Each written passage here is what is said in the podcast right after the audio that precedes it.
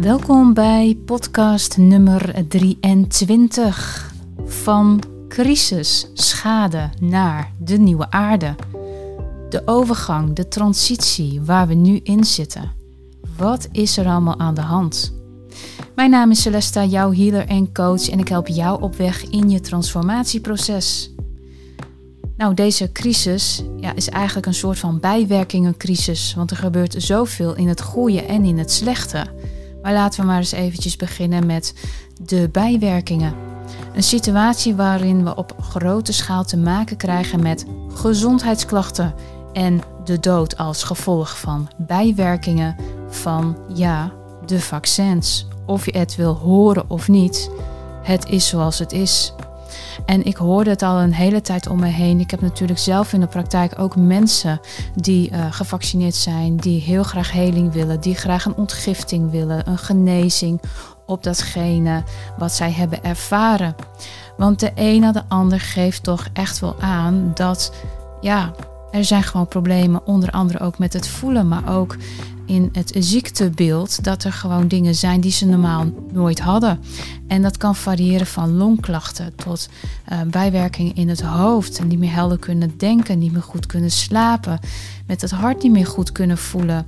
Emoties, ehm, ja, ze waren misschien al onderdrukt, maar ja, nu komen ze echt niet meer boven water. Alles is een beetje afgevlakt, lijkt het. Nou, met healing kun je wel een heleboel uh, reduceren en het weer in goede banen leiden. Maar echt helemaal weg is het dan ook weer niet. Hè? Er is toch echt een hersteltijd nodig om het weer een beetje bij het oude te krijgen. Dus mocht jij iets hebben gehad, en of het nu één keer, twee keer of drie keer of vaker is geweest, er is wel her en der herstel mogelijk, maar je moet het ook zelf heel graag willen. Want hoe opener dat jij bent, hoe beter dat een healing ook kan doorwerken. Maar goed, we zien eigenlijk um, best wel veel schade aan datgene wat er in de mens is geïnjecteerd. En het is trouwens niet alleen de vaccins die nu zijn uitgedeeld. Het heeft ook nog uh, ja, die, die griepspuiten, dat heeft ook nog een bepaalde invloed. En vergeet ook niet, al die reisvaccins, ja, die zijn er ook nog, de hepatitis B en dat soort dingen. Nou, we kunnen heel veel dingen ontgiften, daar is heel veel in mogelijk. Maar je merkt gewoon dat daar schade door ontstaan. En dus um, ja, eigenlijk wat de afgelopen twee jaar is toegediend, er zit zoveel troep in, wat maakt dat de mens geen mens meer is. Er schijnt ook patent op te zitten, je kan het allemaal checken, overal zitten nummers en coderingen achter. Dus in feite, ja, ben je ook in handen van iets of iemand anders, omdat er een patent op zit. Nou, dit is gelijk al een hele lekkere binnenkomer om ja, nu te beseffen en bewust te worden van wat het daadwerkelijk is. En er zijn natuurlijk ook mensen die gelijk al hebben gezegd van ja, wacht even, dit gaan we absoluut niet doen. Mijn lichaam heeft een dusdanig immuunsysteem, die kan het zelf wel oplossen. Nou, wees blij dat je dan in dat geval niks hebt genomen. Misschien heb je wel andere type vaccins gehad. Want ja, als kind hebben we natuurlijk ook van alles over ons heen gekregen. Um, en ik moet zeggen, de kinderen van nu krijgen veel meer dan dat wij vroeger in de jaren 80. En misschien uh, de mensen die daarvoor geboren zijn, die hebben ook veel minder inentingen gehad. Want overal zit wel iets in om iets te beschadigen in ons immuunsysteem, in ons DNA. En vooral degene van de laatste twee jaar, die type vaccins, hebben vooral het mRNA-gedeelte aangetast. Nou, het is toch gewoon een stukje programmeertaal. Er wordt iets uitgehaald en er wordt iets anders ingezet. Simpeler kan ik het niet uitleggen. Ja, en dan is het natuurlijk niet meer datgene wat het was. Dus um, ja, en er zijn gewoon bijwerkingen. En met name heel veel longklachten, maar ook in de hersenen, bloedingen. Uh, bij vrouwen ja, horen we ook heel veel uh, klachten rondom uh, het sacrale gedeelte. Um, dat wanneer iets had gestopt moeten zijn, ineens weer begint. Men begint weer te vloeien en dat soort dingen. Dus er is toch best wel iets aan de hand. Ja, en dan, dan, dan zit je hiermee. Um, nou, de meeste mensen die proberen al te ontgiften. Is alleen maar goed ook uh, middels supplementen en juist voeding, et cetera, et cetera. Dus je bent wat, wat langer op de been. Maar er zijn ook gevallen die hebben echt tot de dood geleid. En met name met de derde prik ik heb ze ook in mijn omgeving gehad. En er werd heel stellig hier en daar gezegd van... Ach, nou, ik merk er eigenlijk niet zo heel veel van in mijn omgeving. Het valt eigenlijk best wel mee. dan dacht ik bij mezelf, nou, ik heb toch aardig wat mensen al uh, weg moeten brengen. Dus ja, waarvan je dus wist dat ze dus iets hadden gehad. En natuurlijk zijn ze er ook die niks hebben gehad, die ziek worden, die um, nou ja, stikvol met kanker of andere ziektes uh, zitten. Kijk, we kunnen allemaal natuurlijk iets opvangen. Alleen uh, ja, dit waar we het nu even over hebben, dat had even een versnelde vorm. Ja, en dan? Ehm, op welke manier kan je dan dienstbaar zijn? Hè? Want uh, het kan je overkomen zijn. Het kan ook zijn dat je een naaste partner bent of juist in de dienstverlening zit. Dat je zoiets hebt van ja, wat moeten wij nu doen? Want er moet ook heel veel opgeruimd worden. En dat klinkt misschien heel raar, maar ja, um, er verdwijnen toch wat, wat, wat mensen. Hoe kunnen wij dienstbaar zijn? Nou, onder andere met healen en het genezen, daar, daar zijn al dingen in te doen. Middels de voeding kunnen we mensen bijsturen. En wat even uh, voor je begrip fijn is om te weten, is dat je even teruggaat naar het grotere geheel. Want wat komen wij hier eigenlijk doen? Waarvoor zijn wij hier op deze planeet? Wij zitten als mensheid midden in de shift van het ego naar het hart. Ja? En het ego zit in het hoofd en het hart, dat is ons gevoelscentrum. Nou, dat hebben ze eigenlijk vanuit de donkere kant willen uitschakelen. Dat wij niet meer bij onszelf blijven. Dat wij niet meer voor onszelf kunnen denken. En dat we vooral ook niet meer kunnen voelen. En dat onze intuïtie, bijvoorbeeld door dat ding wat door je neus heen moest met die testen, weet je nog? Heel veel mensen hebben dat gedaan. En ook mensen die bewust waren ja, dan werd je derde oog even lichtelijk mee uh, uitgeschakeld. En dan is het maar net hoe vaak heb je zo'n test gedaan en wat is daarmee gebeurd. Want in dat stokje zat ook een of andere stof wat niet helemaal uh, was, om het zo maar even uit te drukken. Dus overal werd iets um, op bedacht om ons maar op een bepaalde manier uit te schakelen. En juist ons hart is ons centrum. Daar moeten we het mee doen, daar moeten we het van hebben. Het oude, het verleden, patronen, overtuigingen zijn allemaal ego-gebaseerde zaken. Dat is allemaal verleden. En dat wordt in deze tijd getransformeerd. Daarom heet het ook van dark to light. Daarom zijn er ook in eerste instantie de schapen, de kudde, de volgers genoemd, uh, versus de wappies. Uh, mensen die wat bewust waren en ja, eigenlijk al richting die nieuwe tijd aan het bewegen zijn. Maar goed, er zijn dan twee vormen, wat eigenlijk één is en ook tot elkaar moet komen uiteindelijk. Want we gaan allemaal naar één en hetzelfde. Het is niet dat dat, dat maar één kant of nee, we gaan allemaal. Hè? Dus waar één gaat, gaan we allemaal. Ja, en op dit moment zie je als mensheid dat we transformeren, maar ook heel veel dingen buiten je om zie je dus veranderen. Hè? Dus in eerste instantie uh, zal er heel veel nu naar buiten gaan komen rondom de vaccinaties, uh, de bijwerkingen, hoe het er echt voor staat. Um, los van allerlei getallen en grafieken die gewoon nergens op sloegen. Want dat was gewoon zodanig gecreëerd in de media om een verkeerd beeld neer te zetten. Dat uh, ja, oh, het is toch wel heel erg om ziek te worden met de dood als gevolg. Ja, dat hebben we nu dus in de hand. Uh, het was juist de omgekeerde wereld. Ze hebben nu juist iets geïnjecteerd waardoor je dus die dood tot gevolg kunt krijgen. En het is ook maar net in wat voor stadium uh, zit je en hoeveel prikken heb je gehad. En ja, heb je het niet gehad, dan, dan, dan zit je nog redelijk veilig.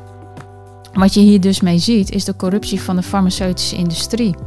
Dus alleen al door dit, dat je dit belicht van, ja oké, je hebt het alleen daar maar over. Ja, het is niet alleen een vaccinatie, het is ook de medicatie waar wij dus uh, jarenlang al in bedrogen worden om ons maar ziek te houden, om vervolgens maar een soort van abonnement aan te smeren dat je altijd maar um, medicijnafhankelijk bent. Kijk naar de hartpatiënt. Heel simpel voorbeeld. Um, als ik zelf gewoon met eigen ogen zie wat er dan per maand binnen wordt geharkt, hoeveel euro's dat het kost en hoeveel medicaties, het aantal tabletten wat naar binnen gewerkt moet worden, dan schrik ik daar echt van. Dan denk ik van, joh, dan kan dat niet anders. Nou, een stand, um, die gebruiken ze die vorm ook voor uh, Assure. Dat is een sterilisatievorm bij vrouwen. Dat zou dan bijvoorbeeld veilig moeten zijn. Nou, als daar al dingen als titanium en nikkel en dergelijke in voorkomt, dan is dat niet bepaald veilig. Nou, ik weet van uh, heel dichtbij dat op een gegeven moment zo'n stand ook vervangen moet worden.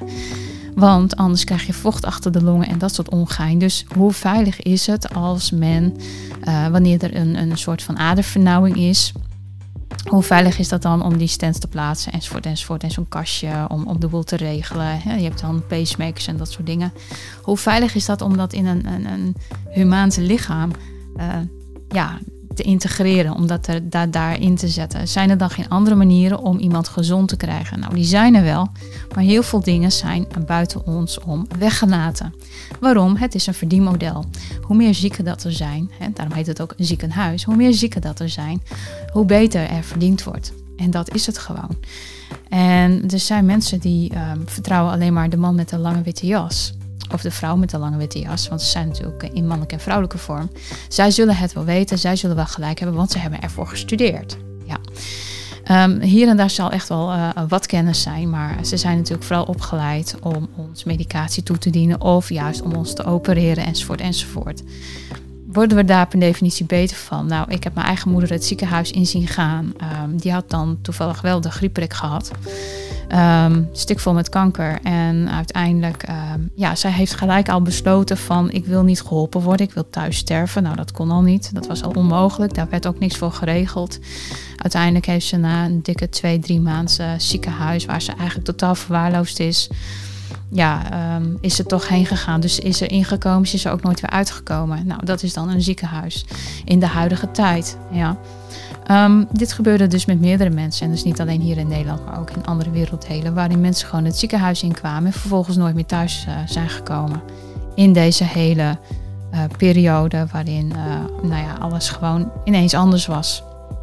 Je wordt bewust gemaakt van um, wat is ziek zijn en wat is een gezond lichaam. En hoe kun jij jezelf weer gezond krijgen. Dus het doel van ons is natuurlijk ook om dat te stimuleren en je bewust te maken van wat je wel kunt en wat, wat je eigenlijk vooral moet laten. En een van de stappen is om je bewust te worden in je hoofd. Dus uit de overtuigingen, uit de oude patronen, alles ontleren en opnieuw leren. En dat is in dit proces een van de moeilijkste dingen die er is.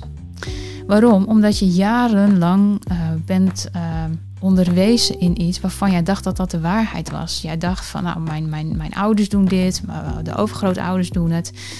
Bepaalde ja, dingen van buitenaf of via school komt dan tot je en dan denk je van, het zal wel zo zijn, want iedereen doet het. Nou, en dat was dus nou juist net de grap. Juist omdat iedereen het doet, wil niet zeggen dat het dan maar goed is. Dus dat hele stukje eh, farmaceutische industrie, waarin heel veel geld wordt verdiend, vergis je daar niet in. Ja, dat is toch wel even een dingetje. En vooral omdat heel veel mensen of met hartklachten zitten of met diabetes. Uh, veel dingen op het brein gericht. Uh, allemaal van die diagnoses die gesteld worden. Al, overal is iets op gemaakt wat een verdienmodel heet. Dus overal hebben ze wel een soort van behandeling voor. Nou, het is hetzelfde. Ik heb het misschien wel eens eerder aangekaart. Um, kinderen met ADHD of uh, andere, nou ja, dat noemen ze dan van die stoornissen. Daar kan ook anders op gereageerd worden door bijvoorbeeld te kijken van wat eet zo'n kind en waarom zijn ze zo gevoelig voor die prikkels en wat kunnen we daarin doen om het rustiger te maken in de omgeving. Dat is iets anders dan door te zeggen van nou we stoppen er maar even Ritalin in en dan zijn ze ook wel uh, stil. Dat ze gewoon helemaal niet meer bewegen of uh, zo dik worden als een Michelin poppetje. Want dat voorbeeld hebben we vroeger ook gehad. Um, weet je, dus dingen kunnen gewoon best wel anders mits je daar ook gewoon naar kijkt. Maar het is ons niet geleerd, want er zijn mensen die hebben daarvoor geleerd, dus die vertellen het ons wel. Er worden dus keuzes gemaakt vanuit ego en dat is gebaseerd op hebzucht, machtlust en niet vanuit een hardgedragen dienstbaarheid. Nou, en hier is voor heel veel mensen die juist in de dienstverlenende sector werken, een uitdaging, een kans om de mensen op een juiste manier te helpen. Dus niet alleen maar met medicatie, maar ook echt te kijken van, maar wat is nu de oorzaak van het probleem? Waarom heeft iemand overgewicht? Waarom heeft iemand last van het hart? Dat zijn vaak energetisch sowieso. Uh, dan kijk je er al naar van, wat, wat, wat is die oorzaak? Je kijkt niet naar symptoombestrijding van, oh, dat doen we maar even een pilletje in. Nee, er is iets geweest waardoor de persoon in kwestie een bepaald issue heeft. En daar kijk je naar. En vaak als dat er niet meer is, want het heeft heel veel te maken met emoties. Wanneer dat er niet meer is, kan bijvoorbeeld een hart vrij worden gemaakt, waardoor degene geen uh, last meer heeft van die bepaalde druk. Of het zit hem toch in de voeding, dat er anders gegeten mag worden. Ik noem maar iets. Dat kan al heel veel in de darmen um, ja, restaureren. Uh, dat je bijvoorbeeld um, geen suikerziektes ontwikkelt of problemen in het brein, of dat je juist heel erg moeilijk kan concentreren of slecht slaapt of dat soort dingen. Er is zoveel meer te doen um, dan dat. Goed, dus daar, daarin kunnen we heel veel doen. Ja, en wat we nu in deze tijd ook zien, is de corruptie van de politiek. Ik zeg maar zo, het zijn allemaal acteurs. Uh, ze hebben een leuk pak aangetrokken en ze gaan jou wel even een heel mooi verhaaltje vertellen met een overtuigingskracht van heb ik jou daar en wij zullen dit en wij zullen dat. Nou, ik stem al heel lang niet meer. Um, waarom niet? Het heeft geen zin. Het heeft geen zin om te stemmen. Uh, sowieso, nu je dan autonoom bent, uh, ben je al apolitiek. Want je doet niet mee aan die flauwekul. Want het is gewoon flauwekul. Van tevoren is al bepaald wie het wordt. Wie want mensen zijn eigenlijk gekozen. Ze zijn eigenlijk al geïnstalleerd voordat het bekend is. Voordat wij überhaupt mogen stemmen. Um, heeft het dan zin dat wij onze stem laten gelden? Nee. Is dat een vorm van democratie? Nou, er zit al het woord demon in in het woord aan zich. Dus eh, het schiet voor geen meter op. En je merkt ook van, oh, ze beloven dit, ze beloven dat. En vervolgens ben je in dat lopende jaar bezig. En er gebeuren hele andere dingen dan dat ze eigenlijk hebben afgesproken met de burger. Ja, weet je, het zijn marionetten. Het zijn, uh, eigenlijk zijn het ook nog geldwolven als je het zo bekijkt. Want we moeten overal maar voor betalen. En de belastingen die worden hoger. En belasting, dat is ook een, een vak apart in die zin. Het is een ambi-instelling. dus uh, ja, je doet giften. En een gift is aftrekbaar, dus dan mag je de rest zelf onderzoeken. Betekent dus dat we niks verplicht zijn. Nou, dan is er over de wet ook nog iets te vertellen. Dat kun je ook allemaal onderzoeken, want alles is gewoon zo illegaal als maar zijn kan. En zeker in deze tijd, en er komen heel veel dingen los. Dus doe ook vooral je eigen onderzoek op dit vlak, want het is gewoon in een paar minuten niet eens uit te leggen wat het allemaal inhoudt. Er is zoveel informatie, zoveel corruptie eigenlijk om dit. Um, mensen die zich uh, voordoen in een, een bepaalde functie, uh, staat vaak niet eens een naam of een handtekening bij. En er worden brieven verstuurd dat jij maar even een nou, een, een, een, vordering krijgt, een aanmaning krijgt, een boete moet betalen, hoe je het allemaal maar noemen wilt, wat ze je dan ook maar sturen. En onder het kader van uh, u mag niet belasting ontduiken, uh, u bent verplicht te betalen, u moet betalen, staat ook altijd zo mooi bij hè, op die brieven. U moet betalen, nou we moeten helemaal niks. Um, zogenaamd aan de, aan de wettelijke uh, toestanden houden, enzovoort, enzovoort, enzovoort. En als je gewoon eens even dieper graaft en de brief eens goed leest en bekijkt wie erachter zit, enzovoort, enzovoort, dan kom je toch wel tot de conclusie dat de dingen daarin ook een beetje heel erg misleid zijn en dat dingen gewoon niet kloppen. Ook daarin is het een kwestie van ons leren en opnieuw leren. Want we zijn immers gewend van, oh ja, maar dit en dat moet zo en zo. Dat wordt ons zelfs op school geleerd. Tenminste, ik heb het op de MEAO nog meegekregen. Hoe je de belastingpapieren in moet vullen. Um, weet je, het, en, en, en, en of het mooie hiervan, het, uh, wat mij gelijk al opviel in die tijd, was dat de taal altijd zo moeilijk is. Waarom wordt er altijd met, met zoveel moeilijke en vaak Latijnse woorden gesproken, dat je er gewoon de ballen ervan snapt? Ja, ik bedoel, als je dat leest, dan, dan, dan heb je toch niet het idee dat het... Het is geen Jip en Janneke taal. Dat je denkt van, okay, nou, ja, nee, nu weten we wat voor contract... Hebben we een contract überhaupt? Maar dat, dat, je in ieder geval weet waar het een beetje over gaat. Er staan er zulke moeilijke, uh, rare woorden in... dat je zoiets hebt van... Ja, ik weet eigenlijk niet waar ik mee akkoord ga. Of, hè, en dat is in de rechtbank precies hetzelfde. Als je dat even gaat uitfilteren, dan wordt dat ook heel erg moeilijk gedaan. Die juristen die snappen dat, ja, want die hebben dat geleerd, hoe ze dat allemaal moeten tackelen. Die weten precies overal het antwoord op. Maar dat is ook een, een systeem. Ze leren precies hoe dat moet. En wij kunnen het dan niet tussen twee haakjes zogenaamd begrijpen. Nee, want dat moet ook niet, want anders zouden wij het spelletje doorhebben. Als wij precies zouden weten hoe alles werkt, ja, dan hebben wij het spelletje toch door. Dan hebben zij er toch geen lol meer aan. Dan kunnen ze toch geen geld meer van ons vangen. Want dat is gewoon, ook op dat vlak, geld verdienen. Ook dat is een bepaald systeem. Net als de farmaceutische industrie. Om ons maar geld afhandig te maken. Nou, dan hebben we dit. Dit zijn eigenlijk de twee grootste noemers die er op dit moment spelen. En waarin heel veel naar buiten komt. En eh, je zult in eerste instantie een vorm van ongeloof hebben van... Oh mijn god, is dit echt zo? Is dit echt zo? Heb ik jarenlang met de gewerkt. En ik had dat eigenlijk allemaal niet hoeven te betalen. En vooral voor ondernemers die goed geld verdienen. Want die dragen echt best wel wat af. En dan zit je echt zo van, wow, dat had dus allemaal niet gehoeven. Dat had dus anders gekund. Weet je, het wordt ons ook geleerd om hard te werken. En vooral veel van huis te zijn. En vooral veel van onszelf weg te zijn. Want uiteindelijk is het de bedoeling hè, dat, dat dat geldt. En dan ga ik nog een stapje verder. We hebben natuurlijk kinderen. Of natuurlijk, de meeste mensen hebben kinderen. Sommigen ook niet. Die kiezen daar bewust voor. Of, of zijn onvrijwillig kinderloos. Maar de meeste mensen die kiezen voor een gezin. En je merkt gewoon dat ehm, wanneer het er is, als vrouw kan je niet zomaar stoppen met werken. Ja, het kan wel, maar de, hoe jij terugkomt, dat is altijd maar een uitdaging, want meestal lig je eruit. Was in mijn periode wel zo. Dus wat doe je? Je, kind moet naar een kinderopvang voor de tijd dat het nodig is. Nou, er zijn vrouwen die werken toch nog steeds 40 uur. Vind ik dan knap trouwens dat je dat gewoon nog kan. Ehm, dat betekent dat zo'n kind dus elke dag, de hele dag, weggaat wat voor connectie heb je dan nog met elkaar? Je wordt gewoon al vervreemd. Nou, eigenlijk al vanaf de geboorte, maar je wordt al van elkaar vervreemd in, in die eerste fases. Terwijl dat je eigenlijk tussen 0 en 4 jaar is toch wel een belangrijke fase om thuis bij je ouders te kunnen zijn. Ik weet mezelf nog te herinneren als kind dat ik dat wel heel erg fijn vond dat ik thuis was. En naar school, ja, het was omdat het moest. Maar ja, ik, ik mocht nog graag spelen in groep 2. Uh, eh, want daarna moesten we leren en niet dat ik niet wilde leren, maar er was ook een kant van vrij zijn. Dat ervaarde ik toen al. Ben je een jaar of vijf. Hè? Dan, dan, dan denk je bij jezelf, ja, maar dan ben je maar een klein meisje. Dat weet je dan toch allemaal niet.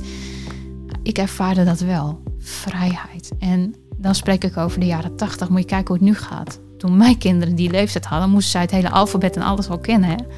Ik bedoel, ehm, dat spelen in groep 2, dat was er eigenlijk al niet eens meer. Wat? In groep 1 werkte ze al met een digibord. Om de verschillen maar eens even duidelijk te maken hoe dat dan allemaal een beetje in elkaar uh, steekt. Nou, wat ik daarmee wil zeggen is dat je wordt van jezelf zodanig vervreemd. Dus niet jij alleen als ouder, als volwassene, maar al het kind wat nou ja, een, kind is vrij speels, is nog onbevangen, leeft juist van moment naar moment. Dus die kan in 5D ook heel gemakkelijk schrijven, omdat het van moment naar moment is. En die houden dat verleden niet meer vast en zo. Wat wij dan wel nog uh, kunnen doen. Dat we zeggen, oh ja, maar vroeger was dit en dat, dus zo, zo. En oh, help. Nee, een kind die heeft het niet. Oh, gisteren was gisteren. Ja, maar vandaag dan uh, speel ik met dit en dat. En wat ik straks doe, dat, dat, dat zien we wel. Die staan er heel onbevangen en zo in. Dus dat, dat, dat is al heel anders.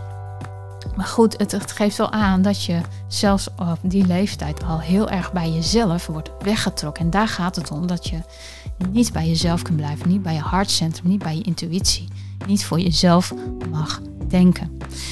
Dus ja, dan, dan denk je van, goh, je gaat van het een in het ander, dus van een heel groot iets naar, naar dit. Ja, en daar is nou precies waar het bewustzijn nu over gaat. Dus van de crisis naar de nieuwe aarde.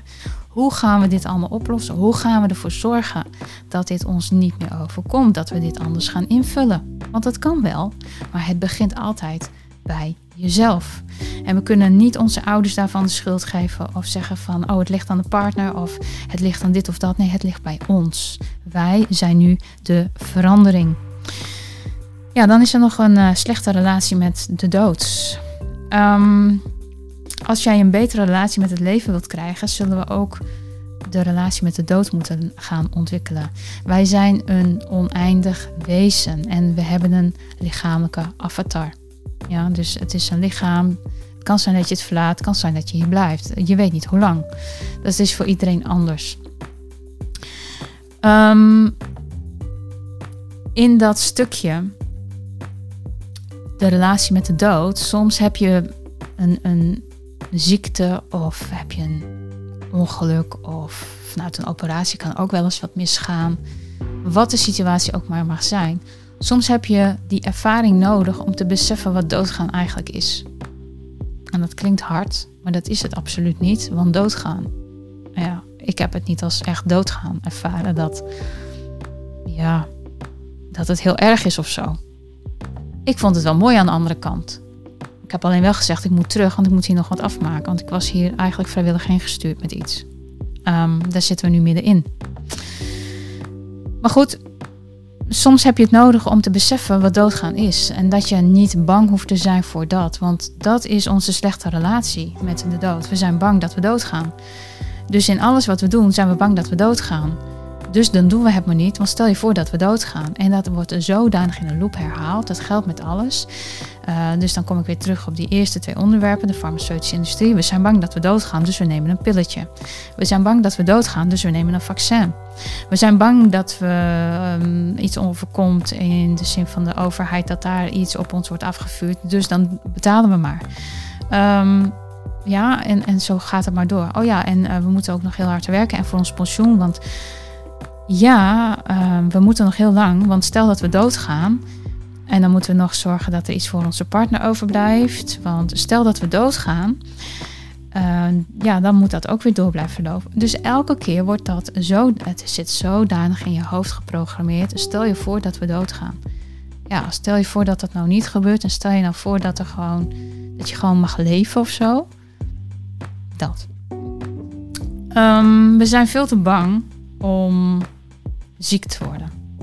Dus het volgende is, we hebben gewoon een verkeerde kijk op ziekte en gezondheid.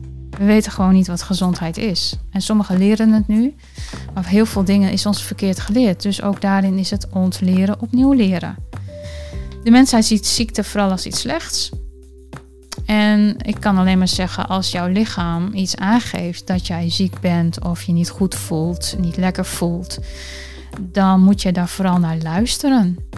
En um, gewoon een simpel voorbeeld. Je hebt continu migraine en je voelt eigenlijk al dat er een burn-out komt. Dat is heel herkenbaar vanuit het werk. Je hebt werk, het is uh, op een gegeven moment oerzaai, het is geestdodend. Je zit tussen vier muren op kantoor. Het meest makkelijke voorbeeld, want heel veel mensen ervaren dat op dit moment. Ik heb het ook ooit gehad. Ik dacht van, jeetje man, is het al vijf uur? Kan ik naar huis? Want ik heb geen zin meer. Ja, en dan uh, de volgende dag heb je het weer. Dan denk je, ah, weer van die vergaderingen, twee uur lang zit ik daar maar wat en kan helemaal niks opschrijven tijdens de. Oh, om je notulen zo te maken. En moet je nog uitwerken. Ja, jeetje, wat moet nog eigenlijk verzinnen op papier? Weet je, heel veel dingen gaan op een gegeven moment langs je heen, hè, want je let niet meer op. En um, ja, is het dan een burn-out of een bore-out? Het, het, het, het, is ook nog een verveling. Maar op een gegeven moment, omdat je met tegenzin eigenlijk al dingen gaat doen, creëert het ook iets in je lichaam. Dat je bijvoorbeeld heel vaak moe bent. Of dat je gewoon nergens geen zin meer aan hebt. Of dat het hoofdpijn migraines creëert. Omdat het niet meer in de flow zit. Omdat je dingen doet die eigenlijk helemaal niet meer bij je passen. Of waarin je gewoon niet gelukkig bent. Nou, uh, als jij een hele dag op kantoor zit en buiten schijnt de zon. Dan had ik wel zoiets van ik wil naar buiten. Ik wil gewoon in die zon zitten. En niet om lui te zijn, maar wel gewoon dat ik dacht van ja, maar dat is mijn vitamine D. Dat, dat is goed voor me. Weet je, um, en dit is het meest simpele voorbeeld wat ik kan geven. Gezondheid is zo belangrijk. En vooral ook bewegen. Lekker hardlopen of andere dingen. Mannen die voetballen juist. Of um, wat je ook maar leuk vindt. Misschien vind je paardrijden leuk. Um, wat je ook maar wil doen. Maar kom in beweging. Want hoe meer jouw lichaam in beweging is. Hoe meer het floot. Hoe beter dat het allemaal is. Dus gezondheid hebben we ook zelf in de hand. Ook middels onze voeding. Hè? Um, ik heb dat wel eens vaker gezegd. Kijk gewoon naar de supplementen, naar de plantaardige voeding.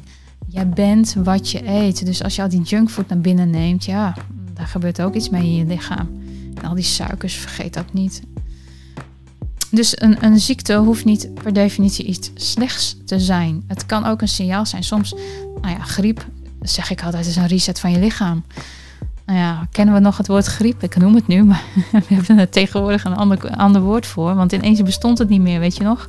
Gewoon even koorts, weet je? Even, even één of twee dagen oud zijn. Lekker in bed liggen of lekker, maar gewoon uitzweten. En het is dan gewoon een reset van je lichaam. Niks mis mee. Dan een slechte relatie met intuïtie en gevoel. Ja, um, in onze ratio, gedreven maatschappij, vergeet de mens wel dat de intuïtie kan weten wat het hoofd nog niet kan bedenken. Kan je me volgen? Vaak dan komen er ook dingen bij binnen dat je, dat, dan denk je niet eens, dan is het gewoon bam bam bam en dan doe je daar ook iets mee. Dat, dat, soms heb je ook automatisch spraak of andere dingen dat je ineens dingen schrijft dat je denkt van, oh ja, dat had ik niet bedacht, maar ineens schrijf ik het. Dat komt van een bepaald innerlijk weten, maar ook vanuit een bepaalde intuïtie. En Daarom is een intuïtie ook goed. Als jij voelt, het voelt niet goed. Blijf dan bij jouw punt. Het voelt niet goed. Oké, klaar. Niet meer over nadenken. Op het moment dat jij denkt, het voelt niet goed en ik ga erover nadenken, ga je allerlei excuses en redenen te eh, bedenken om het wel te doen. Ja, dus het voelt niet goed, maar misschien is het wel. En dan ga je niet twijfelfasen. En dan ga je allerlei dingen bedenken van... Oh ja, maar dan moet ik dat en zus en zo. Nee, dan doe ik het toch maar wel. Maar het voelde niet goed. En een puntje bepaalt je, dan zit je in zo'n situatie. En uh, nou, dan gaat het dus niet goed. En dan denk je bij jezelf achteraf van... Oh ja, ik voelde eerst wel dat het niet goed was. Blijf dan gewoon bij je eerste ingeving. Je eerste ingeving is meestal gewoon het beste. Twijfel daar gewoon niet aan. Je intuïtie weet veel meer dan je hoofd kan bedenken. Ja, dus, dus onze dienstbaarheid naar anderen, ook dit soort dingen in bewustzijn. Soms plant je een zaadje bij iemand, dat iemand na gaat denken van oké, en onderzoek voor jezelf ook dingen als je iets hoort. Oké, ik heb dit en dat gehoord, onderzoek het gewoon. Voor iedereen is ergens een waarheid en bij de een komt het dat harder binnen dan bij de ander. Het is ook maar net in welke fase je bevindt, want Kijk, ik heb jaren kunnen onderzoeken naar dingen waarvan ik dacht van ja, ergens had je al het gevoel het klopt niet. Nou, is ook een gevoel. Het klopt niet. Dan, dan ga je niet door met de dingen die je deed. je gaat dan iets veranderen. Nou, misschien uh, kan dit je weer even helpen herinneren om wie je bent. Wat is de essentie van wat wij aan het doen zijn? Wat is jouw rol in dit hele spel, jouw oneindigheid? Voel jij je veilig? En denk je aan al dat moois wat nog komen gaat? Want heel veel mensen zijn negatief op het moment. Oh, maar dan zal dit wel en zal dat wel. Kun je ook aan mooie dingen denken? Zijn er ook verlangens? Dingen waarvan je denkt van, ja, maar dat zou ik nog graag willen. En de potentie die deze tijd in zich heeft, want dingen manifesteren zich veel en veel sneller. Er is nog nooit zoveel mogelijk geweest voor de mens, want we leven al zo lang in vormen van slavernij waarin we altijd maar moeten voldoen aan de eisen van een ander. En daar hebben onze ancestors, dus onze voorouders, al heel veel uh, voor ons in gedaan. Die hebben heel veel uh, schade daardoor opgelopen, wat wij nu aan het opruimen zijn in het collectief. En bedenk gewoon, je bent er klaar voor. Want je kunt veel meer dan dat je denkt. En soms ben je al verder dan dat je denkt. Maar kun je dat ook voelen? Kun jij je hart ook voelen? Want daar is eigenlijk de weg. De weg van liefde. En als je daar de aandacht aan besteedt om vanuit het hart te verbinden met jezelf en naar de ander, dat is de plaats waarin we elkaar steunen. En dan heb je geen afscheiding meer, want heel veel mensen zijn afgescheiden van het goddelijke, afgescheiden van zichzelf en afgescheiden van anderen. En het is nu juist de zaak om dat om te draaien naar liefde. Liefde en compassie voor jezelf en de anderen. Verbinden. En niet meer alles tegen elkaar uitspelen, elkaar in angst zetten. Toon de goede wil. En wat heel belangrijk is, en ik merk dat ook in de behandelingen, vergeef elkaar voor wat er geweest is en laat het los. Het verleden is het verleden. Haal het niet meer terug, want dan ga je continu in een loop hangen. En dan ja, is het gewoon een, het is een herinnering. Je zet het steeds in het nu en continu herhaal je de realiteit. Dus dan wordt het reëel. Terwijl dat helemaal niet meer moeilijk of ja, terwijl het gewoon niet meer moet. Dus laten we elkaar de moed geven, de hoop geven, um, veel meer voor elkaar zijn en met elkaar meeleven. Want uh, we hebben ook tegenover elkaar gestaan. Um, ja, dat is niet meer van deze tijd. Dat is ook niet de nieuwe aarde. De nieuwe aarde is één zijn, verbinden en met elkaar en voor elkaar de dingen doen. En niet meer alleen. En niet dat alleen niet mag, maar niet van dat er, dat er strijd is. Ja? Dus met elkaar. Kijk, want vanuit het oude, um, waarom zou iemand je herinneren om je titel, om je functie? Want jij bent niet je functie. Jij bent niet je geld. Je was slechts een verschijning, een fictie. Kijkt iemand nog naar waar je bij in dienst bent geweest? Of hoe gestrest dat je was? Of hoe moeilijk dat je het misschien had? In alles wat je hebt meegemaakt, al die traumatische ervaringen, gaat iemand daar nog naar kijken? Of hoeveel dat je hebt, of misschien juist niet hebt gehad. Hoeveel schulden dat je had. Het was slechts een herinnering. Het is fictie. Het was. Het is gewoon een film. Het was eens. En nu sta je er anders in. En mensen kunnen je herinneren in de goede vorm en ook in de dag van vandaag. In de tijd die je met hen doorbrengt, in de liefde die je kunt geven. De kleinste dingen zijn het die je doen. Dat iemand weer lacht, dat iemand weer vrolijk is. De, de dingen die je aan elkaar belooft, dat je dat ook doet. Ehm, dat je voor elkaar daar bent, dat je van ze houdt, enzovoort, enzovoort. Want dat komt allemaal vanuit het hart. Ja, dus uh, verbinden is gewoon in deze tijd heel belangrijk. En vooral omdat er nu zoveel dingen naar boven komen. Die, um, ja, de een die weet het, de ander weet het niet. Dus het is ook elkaar informeren en er voor elkaar zijn. Want sommige mensen die niet alles weten, en die zijn er. En die nu een beetje bewust worden van dat wat er speelt. Ja, die moeten ook nog even slikken. En die hebben niet zoveel voorbereidingstijd gehad als dat wij hebben gehad. Dus wees er ook voor die mensen. En ook mensen die geprikt zijn. We kunnen niet zeggen, ja, we laten iedereen maar vallen. Ehm, kijk, ze moeten natuurlijk wel willen, want ik zag ook de andere kant dat mensen gewoon agressief worden en niet meer met je willen praten. En uh, ja, daar heb ik ook wel moeite mee. Dat ik zeg van, nou weet je, ga dan maar weg. Uh, wij komen er niet uit. Weet je, als, als er strijd ontstaat, ik ga de strijd niet aan. Ja, dus uh, als iemand er niet over wil praten of wat dan ook, dan, dan, dan kun je het ook laten. Maar ze zijn er ook die spijt hebben, die zeggen: Ja, maar wacht even. Um, ik ga dit niet meer doen. Ik, ik wil dit niet meer. Kun je helpen? Kijk, als die hulpvraag er is, dan, dan kun je er ook wat mee. Maar dan zijn ze ook in staat om in een, een andere energie mee te bewegen. Mensen die agressief worden, die uh, jou voor gek verklaren, die willen niet. Die gaan het ook niet redden die zullen sowieso op ergens hun lichaam gaan verlaten. Dat, dat komt gewoon niet goed. Ja, dus, en daar zit dus dat verschil van bewustzijn in. Want er zijn ook goede mensen die het hebben ondergaan, waarbij het misschien niet de bedoeling was dat zij iets hebben genomen wat ze nu wel hebben genomen. De sleutel tot de zelfliefde ligt in het herkennen van de verlangens van het hart. Dus als je naar je hart luistert, laat de comfort en de angst achter je. Neem een sprong in het duister, ga een stap verder en geef je over aan de hogere leiding en wijsheid van je hart. Dit is de reis van de crisis naar de nieuwe wereld. Dit is de reis van 3D naar 5D. Dankbaarheid geeft een positief effect op je trillingsfrequentie. En dankbaarheid is iets, is een kwestie van oefenen. Elke dag weer. Ik zeg altijd, doe het voor het slapen gaan. Ga er uh, een dag even na van wat heb ik gedaan? Waar ben ik trots op? Wat, heb wat is gewoon fijn geweest? Het kan zijn dat je een, een, een goede behandeling aan iemand hebt gegeven. Of dat je een fijn gesprek met iemand hebt gehad. Of um, dat je een klusje voor je buurman of buurvrouw hebt gedaan. Of dat iemand iets voor jou heeft gedaan waarin je dankbaar bent. Het maakt niet uit.